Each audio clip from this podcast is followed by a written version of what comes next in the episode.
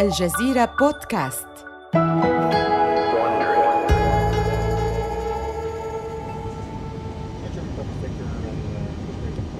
إنه ديسمبر عام 1969 محلقا فوق مدينة سياتل الأمريكية يجلس طيار الاختبار لطائرة بوينغ رالف كوكلي في غرفة تحكم الطائرة التي ظن الكثيرون أنها لن تطير أبداً.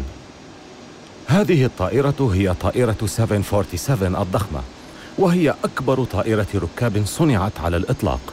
يتصل كوكلي لاسلكيا ببرج المراقبة بالمطار. برج رينتون آن 732 بي اي تقترب. برجاء الإذن للهبوط على مدرج 15 آن 732 بي اي برج رينتون. يمكنك الهبوط على مدرج 15 برج رينتون آن 732 بي اي علم. في الطريق للهبوط على تزن طائرة 747 170 طناً وهي قادرة على نقل أكثر من 400 شخص من مدينة لوس أنجلوس بأمريكا وحتى مدينة لندن بإنجلترا دون توقف. زعم البعض أنها أثقل من أن يحملها الهواء ولكنها الآن على بعد أسابيع فقط من بدء الخدمة مع خطوط بان آم الجوية. يحلق كوكلي بطائرة 747 فوق بحيرة واشنطن مخترقا الأمطار التي ترتطم بالنافذة الأمامية بينما يرى أنوار مطار رينتون بالأسفل. على الأرض ينتظر ميكانيكي بوينغ. عندما يهبط كوكلي سيقومون بفك أجهزة الاختبار وإكمال تركيب أثاث الطائرة وتسليمها جاهزة إلى بان أمريكان. يبدأ كوكلي بالهبوط. إنه يعي تماما أن مدرج هبوط رينتون قصير جدا ولم يهبط أحد بطائرة من طراز 747 هناك من قبل لذا يخفض ارتفاعه لمستوى أقل أقل من اللازم. ترتطم بعنف معدات الهبوط في الجناح الأيمن بحاجز على بعد ستة أمتار من الممر وتتحطم. يرتد بطن طائرة 747 على المدرج خلال انزلاقها على الأرض الزلقة. ويحتك المعدن بالأسفلت ويتطاير الشرر من المحركات. يقاتل كوكلي داخل قمرة القيادة لإبقاء الطائرة على المدرج مستخدما ما تبقى من معدات الهبوط. أخيرا يوقف الاحتكاك الطائرة الضخمة. يتهاوى كوكلي في مقعده ويلتفت لمساعده. حسنا سعدت بالعمل معك. لا أظنني سأبقى في وظيفتي للغد. لم يكن كوكلي مخطئا. انتهت مسيرته المهنية مع بوينغ. هذا لأن آخر شيء تريده الشركة هو طائرة 747 محطمة. بددت الشركة ما يقارب 800 مليون دولار ما يجعل الدائنين خائفين. باتوا مقتنعين أن الشركة لن تتمكن من دفع ديونها. شركة بان أمريكان غير سعيدة هي الأخرى. إنها تهدد بالامتناع عن سداد الدفعات الأخيرة التي تقدر بالملايين لأن مدى الطائرة 747 أقصر مما وعدت الشركة مسبقاً. أما بوينغ فلا تزال تنتظر تصديق إدارة الطيران الفيدرالية بأن طائرة 747 صالحة للطيران. راهنت بوينغ بكل ما تملك على طائرتها الضخمة. وحاليا يبدو كما لو أن 747 دفعت الشركة إلى حافة الانهيار.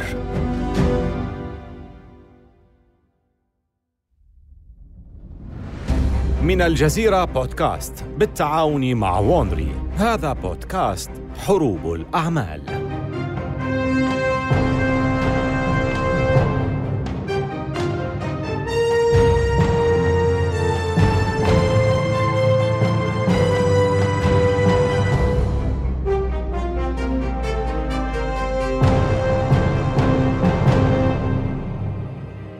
في الحلقة السابقة اقتحمت طائرة بوينغ مجال الطائرات التجارية على نطاق واسع ودفعت بمنافسيها الأوروبيين إلى الهامش. لكن الأوروبيين على وشك رد الضربة. حكومات كل من فرنسا وألمانيا الغربية تمول صنع طائرة نفاثة ويأملون بأن تنافس عمالقة أمريكا. أطلقوا عليها اسم إيرباص هذه هي الحلقة الثانية. استعد للإقلاع.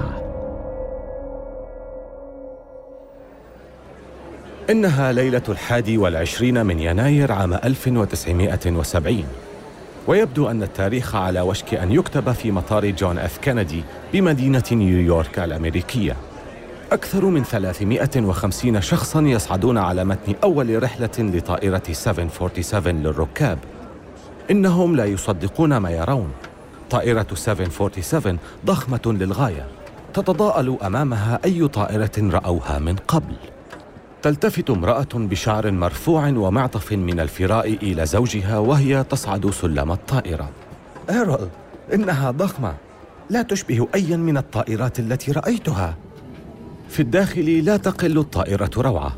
سجادة قرمزية تغطي الأرضية.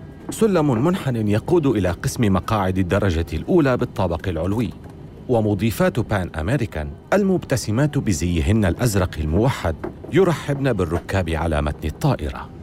داخل كابينة الركاب الفاخرة تجد المرأة ذات معطف الفرو صفوفا من المقاعد باللونين الأحمر والأزرق ورفاهية لم ترها في طائرة من قبل خزانات علوية.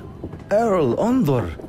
لديهم خزانات تليق بمعاطفنا بدلا من تلك الرفوف المفتوحة. بعد وضع معطفها الفروي داخل الخزانة العلوية تستقر المرأة على مقعدها المريح وتشعل سيجارة. المحطة القادمة لندن. في الساعة السابعة وتسع وعشرين دقيقة مساء تبدأ أولى رحلات طائرة 747 لكنها لا تذهب بعيدا. بعد بضع لحظات من مغادرة البوابة ترتفع حرارة أحد المحركات مجبرة الطائرة على إلغاء إقلاعها. على الأرض يشاهد أحد مديري بوينغ التنفيذيين الطائرة وهي تعود أدراجها إلى البوابة. كنت أعرف أن الأمر أجمل من أن يكون حقيقة. لحسن الحظ كان لدى بان أمريكان طائرة 747 جاهزة. بعد ست ساعات حلق الركاب أخيرا في الجو لكن بوينغ لا يمكنها الاحتفاء باللحظة إنها مشغولة بالدفاع عن بقائها.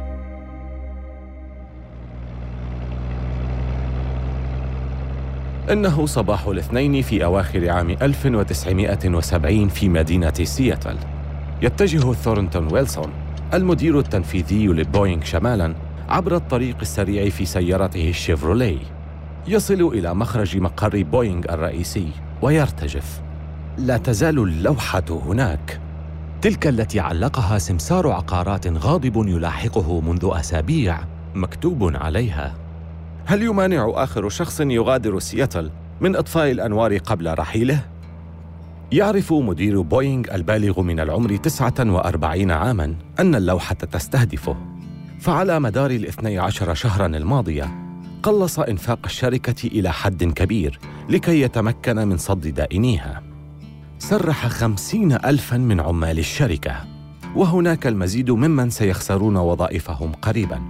وبما أن بوينغ تقوم بتوظيف واحد من كل خمسة من مدينة سياتل فإن المدينة بأسرها تعاني لترتفع نسبة البطالة إلى 12% توقعت بوينغ أن تكون 747 هي أكبر انتصاراتها حتى اللحظة لكنها بدلا من ذلك أصبحت حبلا حول عنقها.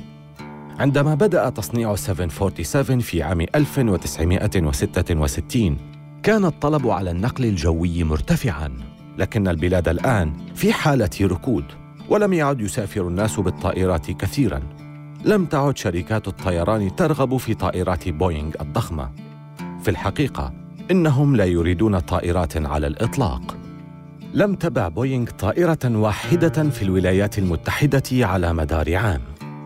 لكن بينما تتراجع بوينغ هناك منافس جديد خلف الأطلسي يخطو خطواته الأولى. إنه ديسمبر عام 1970 وبداخل مكتب صغير في باريس. يفتح رئيس إيرباص التنفيذي للعمليات روجر بيتيه زجاجة شمبانيا يصب بيتيه الشمبانيا ويوزع الكؤوس قبل أن يرفع كأسه. في صحة إيرباص إندستري ومغامرتنا القادمة. تتلاقى أعين فريق إيرباص وتصلصل كؤوسهم. لديهم سبب ليحتفلوا. اليوم بعد أعوام من المباحثات ولدت إيرباص للصناعة رسمياً. لكن إيرباص ليست شركة بالمعنى التقليدي. إنها علامة تجارية لمجموعة من صناع الطائرات الأوروبيين. لا تمتلك أي مصانع وتوظف أقل من عشرة أفراد.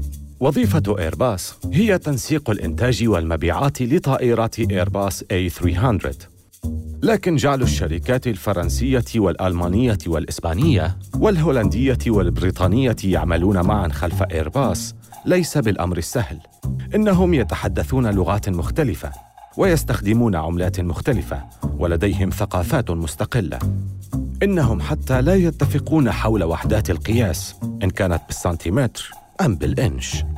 هؤلاء المصنعون لا يثقون في بعضهم البعض وبعيدا عن إيرباص فهم متنافسون في الأصل. ولهذا لن يخبر الشركة عن التكلفة الحقيقية للأجزاء التي يصنعونها. كل ما سيقولونه هو المبلغ الذي يريدون الحصول عليه مقابل مساهمتهم تجهل إيرباص حتى التكلفة الحقيقية لصناعة طائرة A300 ولكن التحدي الأكبر هو نقل أجزاء الطائرة الجاهزة والتي يتم تصنيعها عبر أوروبا الغربية إلى مصنع التجميع النهائي في مدينة تولوز الفرنسية.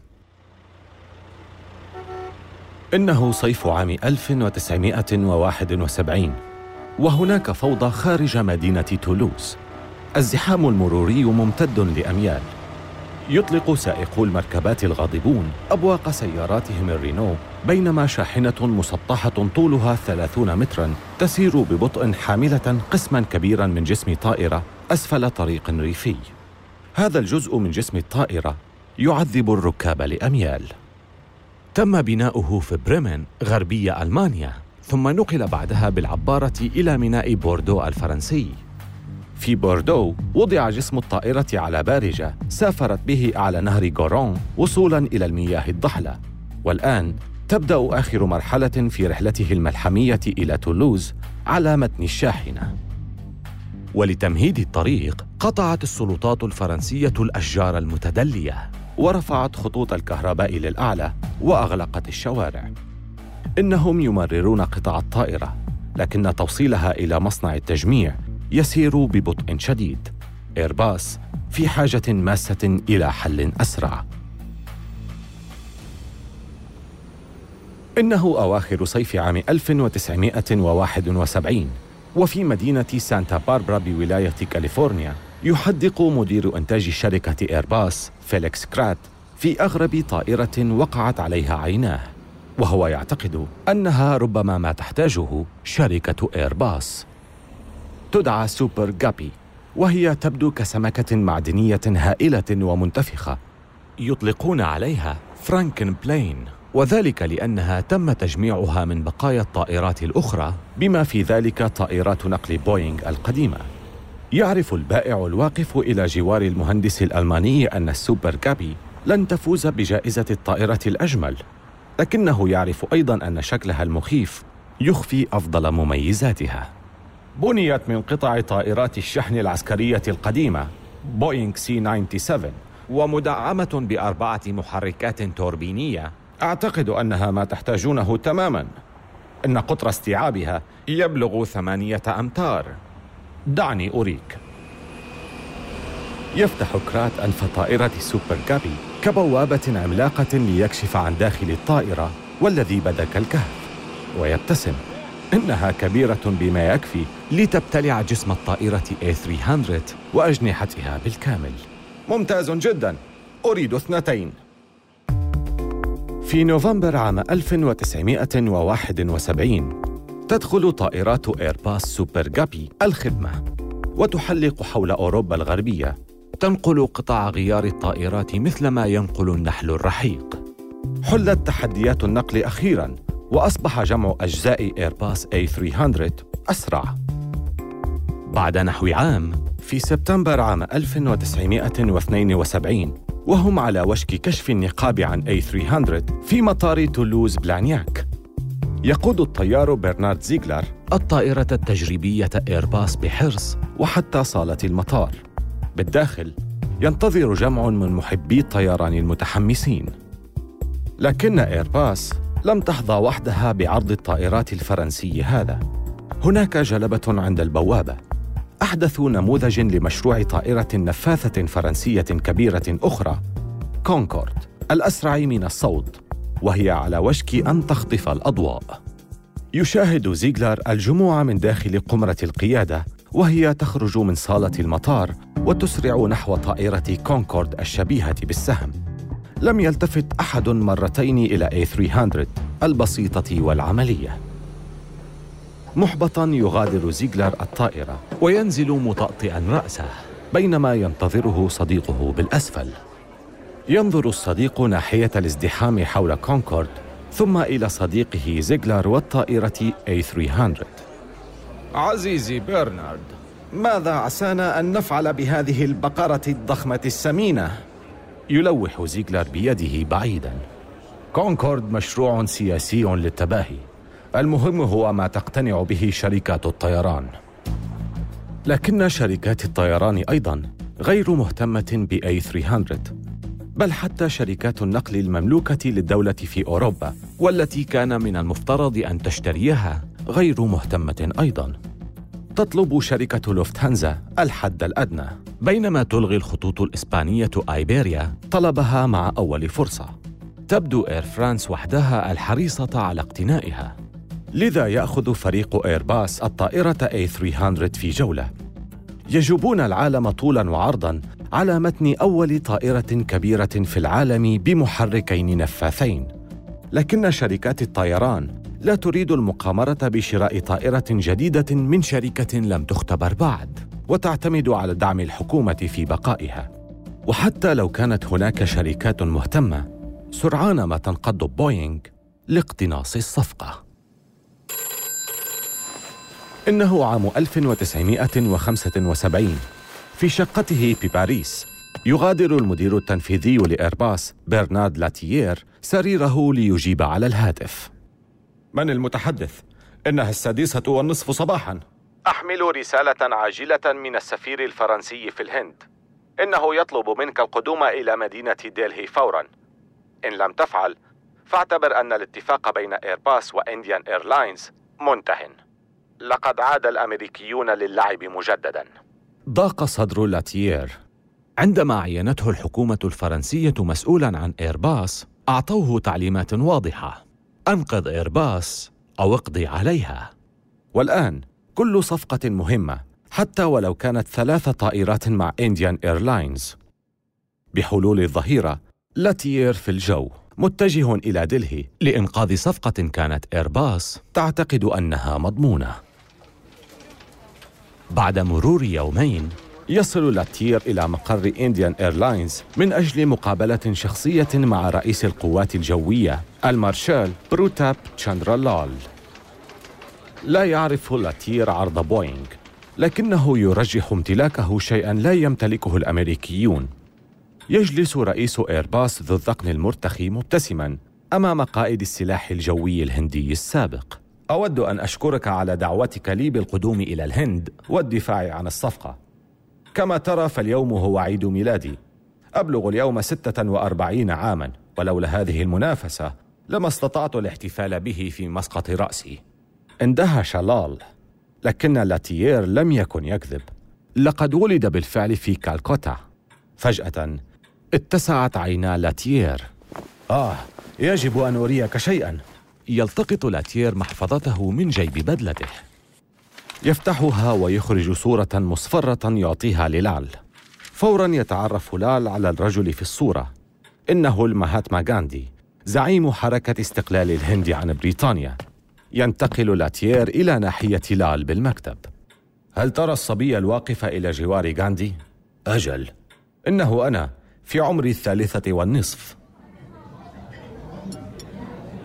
في هذا المساء تقيم إنديان إيرلاينز مأدبة عشاء لصناع الطائرات المتنافسين على أعمالها. يجد لاتيير نفسه محاطا بالأمريكيين. يجلس عن يساره على الطاولة فريق من شركة الفضاء الجوي الأمريكية لوكهيد بينما يجلس عن يمينه وفد من أقوى ثمانية عشر موظفا في بوينغ تبدو عليهم سيماء الفخر بأنفسهم معتقدين أنهم ضمنوا الصفقة لأنفسهم. لكن بعد تقديم الطبق الرئيسي تنطفئ الأنوار. يدخل نادلان الغرفة حاملين كعكة عيد ميلاد كبيرة تعلوها الشموع. متجهين إلى طاولة لاتيير ويبدأان في الغناء. عيد ميلاد سعيدا. يحملق فريق بوينغ في المشهد بسخط بينما ينضم لعل للغناء سعيدا عزيزي برنار. عيد ميلاد سعيدا. والكعكة أمامه. يغمز لاتيير للجالسين على طاولة بوينغ ويطفئ الشموع. تشتري إنديان إيرلاينز طائرة إيرباص. لكن لو طمع لاتيير في المزيد من الطلبات سيشعر حتما بخيبة أمل. في عام 1976 تبيع إيرباص طائرة واحدة من A300 لا أكثر. ومع حلول 1977 تبدو على طائرة A300 ملامح الفشل. إنها معروضة للبيع منذ خمس سنوات ولم تحصل سوى على 37 طلباً. يبدو أن إيرباص صارت مثالاً آخر لفشل الطيران الأوروبي الذي يذهب بأموال دافعي الضرائب أدراج الرياح لصناعة طائرة لا يرغب فيها أحد. حتى من يثقون بالحكومة الفرنسية يسألون أنفسهم عما إذا كان عليهم إيقاف دعمهم للمشروع. وبينما تقف إيرباص في مكانها تحلق بوينغ عالياً. انتهى الركود الذي أغرق الاقتصاد الأمريكي. ومع تزايد أعداد الركاب تتزايد معدلات شراء شركات الطيران للطائرات ومعظمها من طراز بوينغ. تجني طائرة بوينغ 747 الملايين الآن. وسرعان ما تصبح بوينغ 737 متوسطة المدى العمود الفقري لشركات الطيران حول العالم.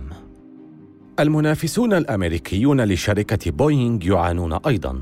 تخضع شركة لوكهيد للتحقيق بتهمة دفع رشوة لمسؤولين أجانب للحصول على طلبيات لطائراتها. بينما تعرضت شركة ماكدونالد دوغلاس لسلسلة من حوادث تصادم دي سي 10 تمتلك بوينغ الآن نصف السوق وبسرعة كبيرة ترتفع لأعلى لكن لاتيير لا ييأس فهو مؤمن أن A300 يمكن إنقاذها ولكن ليفعل هذا يحتاج لعقد صفقة من شأنها إبهار مديري شركات الطيران ودفعهم لأخذ إيرباص على محمل الجدية. هناك صفقة واحدة يمكنها تحقيق هذا، إبرام عقد مع شركة نقل أمريكية كبرى. حان الوقت لإيرباص كي تبادر بالهجوم مقتحمة المجال الجوي للأعداء.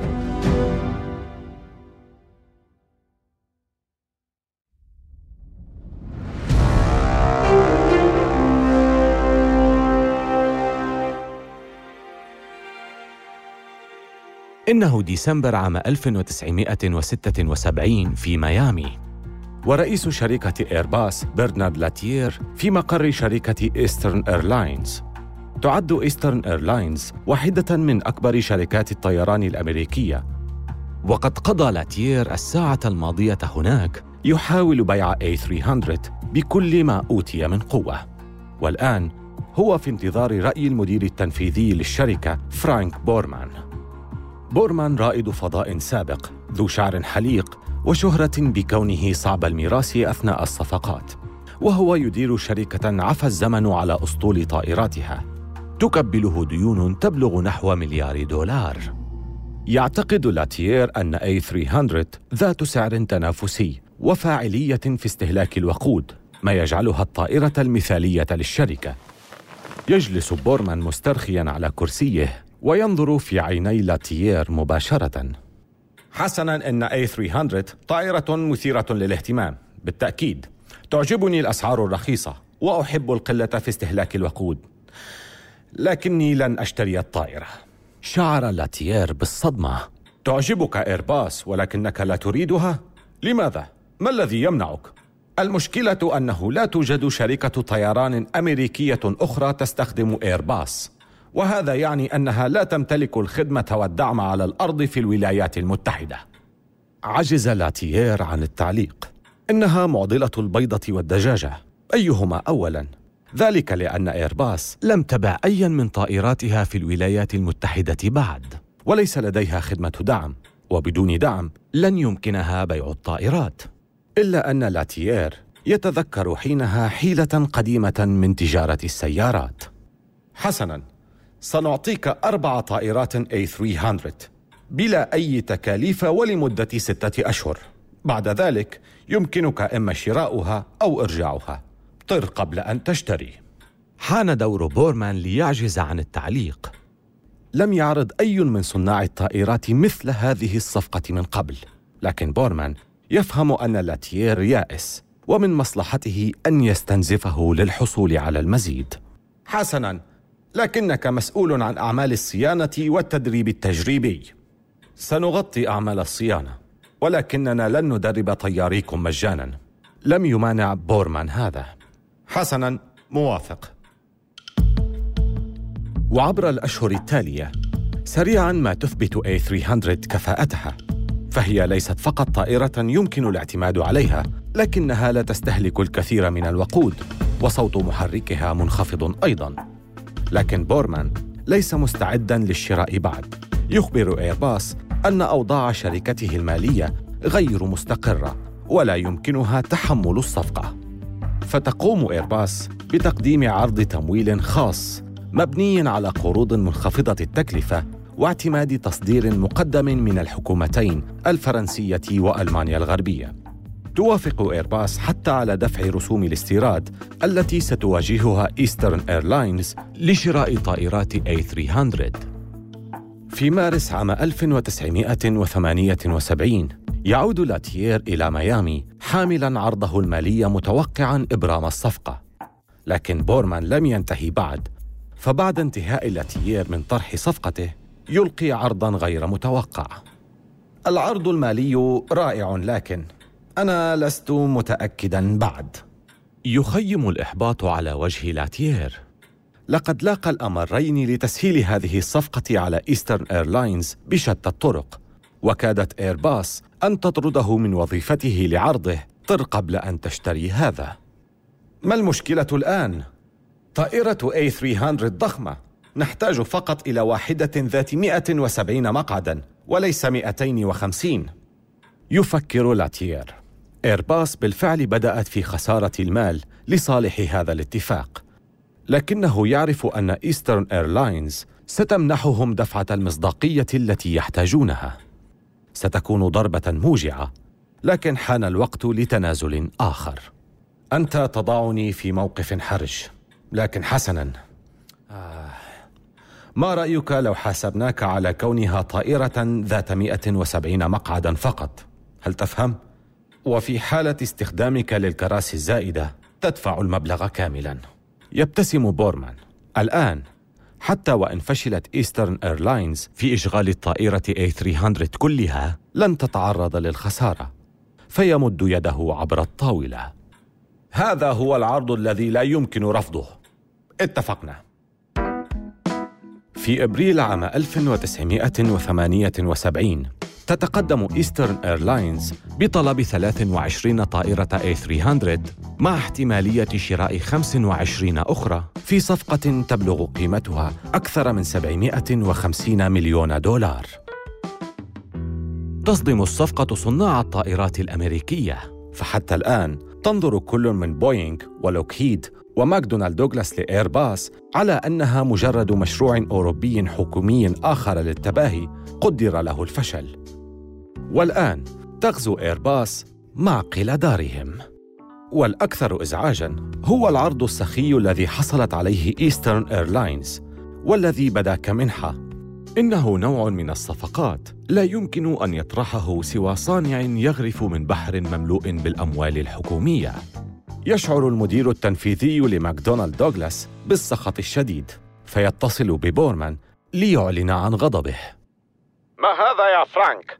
أنت قدت حملة أبولو 8 من المفترض أن تكون بطلا أمريكيا ولكن ها أنت تشتري المنتج الأوروبي. تقع كلمات بورمان على مدير ماكدونالد دوغلاس التنفيذي كالصفعة. ذكرني من من صنع السيارة التي تقودها؟ يصمت موظف ماكدونالد دوغلاس. أجل هذا ما ظننته. أعتقد أننا انتهينا هنا. بعد فترة وجيزة تبدأ إيسترن إيرلاينز في الإعلان عن طائراتها النفاثة الأوروبية الجديدة على التلفاز مع ظهور بورمان كوجه للشركة. طائرتنا الجديدة A300 واسعة. هادئة تستهلك الوقود بكفاءة. لا يعني ذلك شيئا. إن عجز فريقنا عن منحك الشعور بالراحة حينها لا يهم في أي طائرة تسافر. أنا أسافر مع إيسترن إيرلاينز لكنك لست مرغما على ذلك. علينا أن نستحق نجاحنا كل يوم. قلبت صفقة إيسترن إيرلاينز الطاولة وبين ليلة وضحاها فتحت شركات الطيران العالمية أبوابها لإيرباص وبعد أعوام من الجمود دخلت إيرباص المنافسة. بحلول عام 1979 تتجاوز مبيعات A300 منذ نشأتها 300 طائرة. ربما تحقق بوينغ نفس العدد في عام واحد لكن يصعب تجاهل حقيقة أن إيرباص الآن أصبحت على الخريطة. وبالنسبة لبوينغ فإن هذا يعني أنه قد حان وقت رد الضربة. بقوة. في الحلقة القادمة تسعى بوينغ للحصول على المساعدة من الحكومة الأمريكية. يتصاعد التوتر عبر الأطلسي وتعيد إيرباص تعريف الطيران. آمل أن تكونوا قد استمتعتم بهذه الحلقة من حروب الأعمال. استمعوا إلى حلقاتنا عبر أبل بودكاست وجوجل بودكاست وشاركوها مع أصدقائكم. ولا تنسوا زيارة موقعينا على الإنترنت podcast.aljazeera.net وwandry.com وملاحظة سريعة حول المحادثات التي سردناها. لا يمكننا أن نعرف بالضبط ما قيل ولكن هذا الحوار مبني على أفضل الأبحاث التي قمنا بها. هذه السلسلة من حروب الأعمال. قدمها في نسخة اللغة الإنجليزية ديفيد براون وكتب القصة تريستان دونوفان. كبيرة المنتجين هي كارين لوي. عملت إيميلي فروست على إنتاج هذه الحلقة. وقام كايل راندل بالهندسة الصوتية. والمنتجان المنفذان هما جيني بيكمان ومارشال لوي. أخرج السلسلة هيرنان لوبيز لصالح شبكة ووندري